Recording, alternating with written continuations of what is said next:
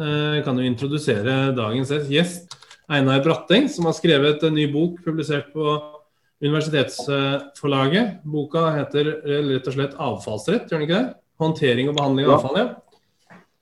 Um, og jeg så den boka, så tenkte jeg at dette var et fiffig tema. og så Den kom rett og slett opp en sånn mail fra Universitetsforlaget som jeg, jeg abonnerer på med nye bøker. Og så tenkte jeg jeg må jo ta en titt her, fordi jeg visste, siden jeg hadde holdt forelesninger i EØS-rett og måtte sette meg inn i varereglene, at avfall er en vare. Noe som, jo, som er typisk sånn grenseeksempel så, som vi pleier å bruke. Så tenkte jeg det var morsomt å se om man har sett på EØS-biten. Så før jeg hadde helt tatt lest den vaskeseddelen, så åpna jeg opp innholdsfortegnelsen på, som PDF og så jo at jøss, her var det jo EØS tvers gjennom.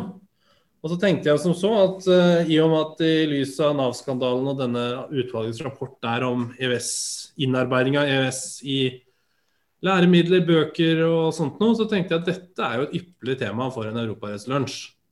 For her har vi jo tilsynelatende et eksempel på en bok som virkelig er skrevet med det europarettslige inntaket, og egentlig enda bredere, og det folkerettslige inntaket som, som trengs for å få en riktig fremstilling til syvende og sist av reglene som er, gjelder i Norge.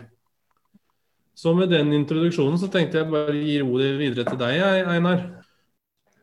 Jeg tenkte jeg skulle si litt om hvorfor jeg valgte å skrive om avfallsrett. Det kan være greit å vite. Um, som for det første så har jeg liksom um, Vi lever jo på en måte litt i en tid hvor på en måte sånn krav om likhet egentlig blir stadig sånn sterkere og sterkere.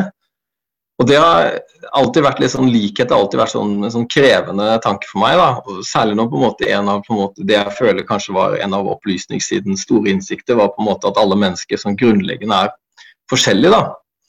Så hvis man på en måte tar og stripper eh, liksom ser hva, hva kan man på en måte si er liksom, man er helt sikker på er på en måte likt mellom andre, alle mennesker, da, så er avfall en av de. Eh, avfall er på en måte noe alle mennesker har til felles, da, helt uavhengig av på en måte hvilken inndeling man velger å gjøre. Så på en måte er liksom avfall noe alle på en eller annen måte liksom, eh, genererer.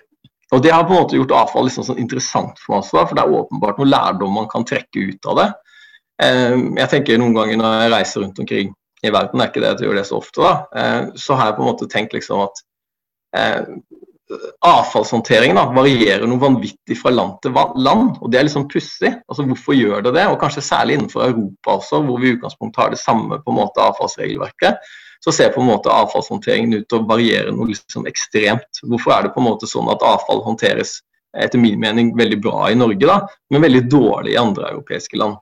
Det er liksom sånn en del ting jeg har tenkt på da, uten at jeg tenker, uten at jeg liksom har funnet ut av det. Men det er ting jeg kan undres over innimellom. da.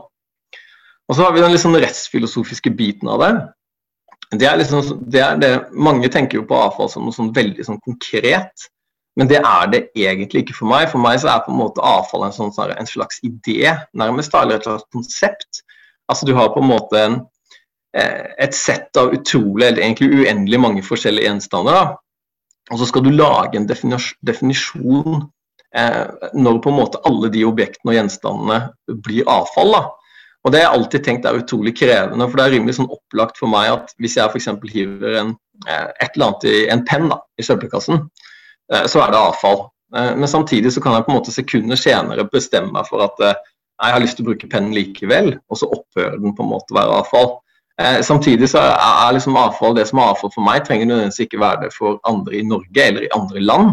Så det er på en måte en sånn utrolig krevende utrolig krevende rettslig definisjon. Eh, hvordan på en måte håndterer du noe eh, rettslig sett som nærmest er helt uhåndterlig, når, når på en måte det ser ut til å være subjektive oppfatninger eller bare tanken nærmest som styrer når noe er avfall eller ikke. Og Det har vært, egentlig vært inngangsporten min til på en måte avfallsrett, som på en måte egentlig fanget til liksom interessen min, min for temaet. Eh, jeg er ikke noen sånn idealist. Mange lurer på, på en måte om jeg er en sånn ihuga kildesorterer. Det er jeg på ingen måte ikke. For meg er det liksom eh, dette mer sånn rent sånn eh, tanke, tankemoro, nærmest. da. Og det er liksom litt innfallsporten til boken også. altså Eh, vi har klart på en måte å håndtere avfall på en utrolig bra måte, mener jeg. Og hvordan, hvordan fikk vi til det? Hvordan fungerer disse reglene? Det var liksom inngangsporten. Um, og før jeg begynte å skrive, da, så visste jeg jo ganske mye på forhånd. Um, det er jo på en måte et veldig komplekst regelverk. Det er masse konvensjoner eh, knytta til det, internasjonalt regelverk, som delvis i hvert fall driver med holder på å regulere visse sider av avfallet. Um, det gjelder transport, det gjelder sjørett. Uh, ja, det er, det er, ekstremt mye, egentlig. Uh, noe jeg ikke har skrevet om, er denne Euratom-traktaten, som, som, regulerer håndtering av atomavfall. Det tenkte jeg var så sært selv for meg at jeg, jeg droppet rett og slett. Uh, det er veldig mye regelverk fra EU. utrolig store mengder både av direktiver og forordninger. Generelle regelverk, og det er spesifikke direktiver retta mot forskjellige avfallsstrømmer. Og det er sjokkerende mye praksis fra EU-domstolen knytta til avfallsregelverket. Da. Eh, både transportforordninger, men rammedirektivet også. Eh, og veldig mye retningslinjer både fra EU-kommunisjonen og det er under Basel og OECD. Um, og det gjør på en måte opp gjennom årene så har jeg på en måte svart en del på spørsmål. Um, og det har vært litt sånn frustrerende å måtte forholde seg til litt sånn kilder som er spredt utover hele internett, da, uten at det ser ut til på en måte å være noe sånn felles sted å hente det ut fra. Det er veldig mye morsomme investorrett også knytta til avfallsområdet. Det, avfall og handelsrestriksjoner det er jo en vare, som sagt. Det har vært en sånn eldgammel debatt. altså I hvilken grad kan man begrense restriksjonen på fri flyt av avfall, eh, kontra på en måte begrensningene i EØS-avtalen. Også monopol- og statsstøttereglene. Eh, jeg personlig har hatt mye glede av eh, han Desadler sin bok. Den kan jeg anbefale de som er interessert, hvis man ønsker å lese noe om miljørett og forholdet til EU-traktaten. Noen har sikkert lest den allerede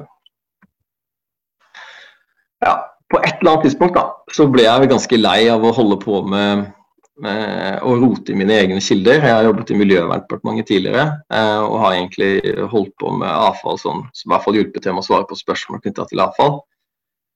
Um, og jeg hadde vel um, ja, jeg hadde et eget system her hjemme egentlig, eh, hvor jeg prøvde å holde kontroll på alle kildene. Um, det funket ikke. Og på et eller annet tidspunkt også så begynte jeg å spare alle spørsmålene jeg fikk, uh, og alle svarene jeg ga.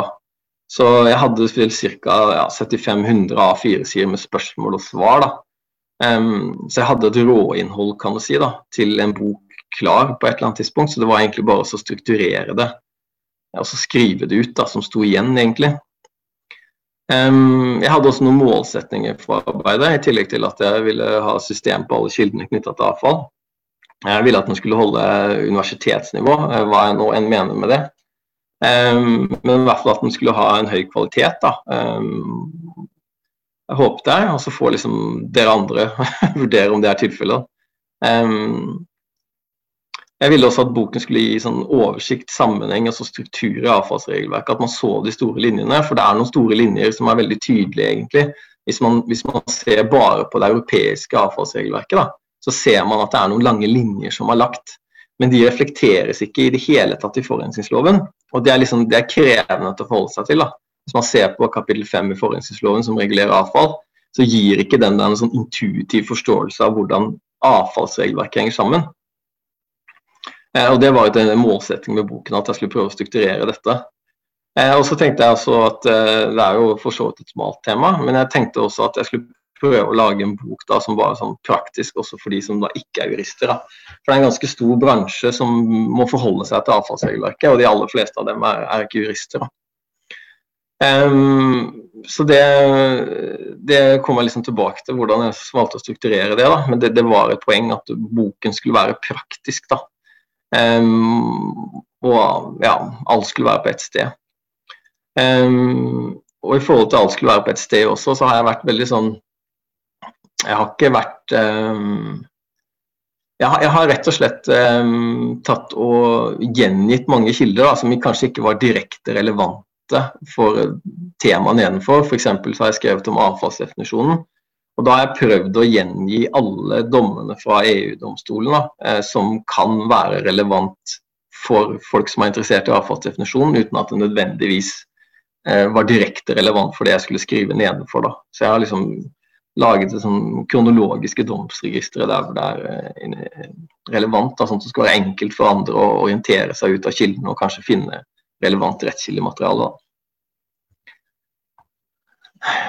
Ja, det som jeg har egentlig vært inne på, så forurensningsloven var, var, rett og slett ikke egnet for en fremstilling av avfallsregelverket. Jeg vurderte også en kommentarutgave også til forurensningsloven, en utvida kommentarutgave til kapittel 5, men det var også helt meningsløst. Um, og så vurderte jeg også, også om jeg skulle bare skrive en bok med sammenstilling av EØS-regelverket. Bare skrive om, sette direktivene og forordninger for EU-system.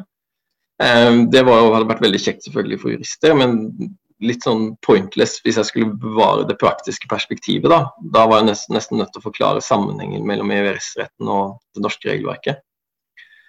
Um, så jeg vurderte litt forskjellige innfallsporter. Uh, det jeg til slutt valgte opp med, var å dele opp boken etter leddene i behandlingskjeden. Uh, man, eksempel, en behandlingskjede for avfall består jo liksom at det, du får et avfall, du lagrer det, du mottar det, du leverer det. Uh, du samler inn, du eksporterer det kanskje, du behandler det. På et eller annet tidspunkt så opphører det å være avfall og går på en måte ut av avfallsstrømmen igjen. Og da tenkte jeg at eh, det var kanskje en fornuftig innfallsvinkel også, og som bransjen kanskje kjente igjen nå, å velge det etter eh, behandlingsleddene. Og da fikk jeg frigjort meg helt fra forurensningsloven. Eh, og det var også en fordel, for, det, for mye av regelverket til EU er jo på en måte knyttet også til de ulike stegene i behandlingskjeden. Um, og så ville jeg også at uh, og så jeg også for meg at de som jobbet med avfall, da, kanskje sto ved mottak av avfall og lurte på regelverket som gjaldt ved mottak av avfall. Og Da ville jeg at man kunne slå opp i det kapitlet og på en måte få dekket informasjonsbehovet sitt da, for regelverket knyttet til mottak. Um, og Det var liksom krevende, fordi da måtte jeg egentlig gjenta meg selv. For en del av kravene er jo liksom generelle krav som går på en måte igjen på hvert steg i behandlingskjeden. Um, jeg, og Det jeg lærte på jussen også, var på en måte at man skulle unngå gjentagelser. og sånne ting, Men det var jeg villig på en måte til å kompro gjøre kompromiss med det med gjentagelser. Uh, for, for, for, at hvert kapittel skulle være fullstendig. Uh, samtidig så prøvde jeg å kutte ned på gjentagelser til et minimum. så Da lagde jeg et eget kapittel, en generell del i boken, da, som tok for seg generelle krav som gjaldt hele veien i behandlingskjeden. Og så satset jeg heller på en henvisningsteknikk. da, på de enkelte leddene hvor, hvor, de generelle kravene var relevante. Jeg synes at det ble et ganske vellykka grep, egentlig. Um, og, ja, og, som gjorde på en måte at de som, ikke bare jurister, men også andre som jobber med avfall, raskt kjenner seg igjen i, i, i systematikken i boken. Um, og Det var jo en, på en måte, en sånn erkjennelse når man begynte å skrive, og etter på en måte man har jobbet med avfall en stund, så var det på en måte en åpenbar sånn erkjennelse av at EØS-retten eh, er på en måte hovedkilden til forståelsen av det norske avfallsregelverket. Og Det er ikke så lett å se. Fordi eh, Som på mange andre felter så har man egentlig, sa departementet og lovgiver, bare lagt til grunn at, um, at uh, forurensningsloven er i tråd med direktivene for EU og så ferdig med det. Og så har man innarbeidet veldig mye sentrale bestemmelser egentlig på forskriftsnivå. Så det er på en måte ikke så lett for andre å se innenfor avfallsregelverket hvor stor betydning EØS-retten har. Men det gjorde på en måte at uh, jeg fikk et problem, um, og det var egentlig å at her er det jo mye grunnleggende EØS-rett, altså metode, forholdet mellom EØS-retten og norsk rett, som på en måte må forklares. Jeg valgte fort bort på en måte å bare vise til folk som er flinkere enn meg i EØS-rett. For jeg ville på en måte at boken skulle gi en fullstendig I hvert fall et godt nok grunnlag da, til å forstå hvorfor boken bruker så utrolig mye tid på regelverk for EU. Så jeg måtte på en måte prøve å gjøre et sånt et sammendrag. Da. Um, og da skrev jeg ut for hva tenkte jeg liksom, Jeg ser for meg en av mellomleder, kanskje, da, en avfallsbedrift som som skal lese dette, hva må vedkommende vite eh, for å forstå på en måte sammenhengen her. Um, så det var det jeg la meg på. da, Og jeg satte av et eget kapittel også til å forklare sammenhengen mellom EØS-rett og norsk rett. da, Og også sammenhengen da mellom de ulike direktivene og forordningene. Um, så håper jeg det ble presist nok. Det er vel på en måte målestokken her. At det ikke, det ikke ble feil, i hvert fall. Men um, jeg håper det ble, ble, ganske bra. Og så henviste jeg uh, flittig til kilder da, for uh, de leserne som eventuelt uh, vil ha behov for en mer utdypning da, innenfor EØS-retten. Um, det var liksom den generelle biten, da.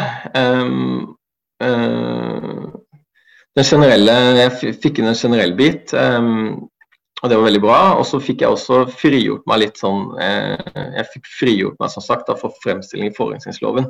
Uh, og det gjorde på en måte ting lettere. Det jeg prøvde å gjøre ganske konsekvent, da, var at jeg startet hver kapittel med EU-regelen, deretter den norske, og så gjorde jeg en sammenligning. Det var en veldig sånn interessant øvelse, og det ga også noen interessante funn, syns jeg, da, i forhold til hvor kanskje man ikke har tenkt godt nok gjennom forholdet mellom norsk rett og EU-direktivene.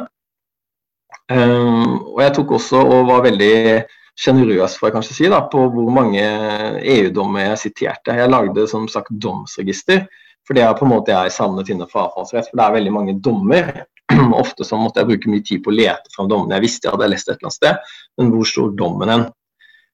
Så da tok jeg bare rett og slett og lagde en liste kronologisk over alle EU-dommer som kunne ha interesse for problemstillingen. Um, og så skrev en omtale av dommen også ved siden av, en kort, kort omtale av dommen, sånn at man raskt da kunne se om dette var en dom som kunne være interessant for en eller annen problemstilling måtte holde på. Jeg også, eh, var også ganske grei med å ta inn retningslinjer og, og annen softlaw. Da. For det er en del sånne retningslinjer som er ganske kjekke å vite om. Eh, Knytta f.eks.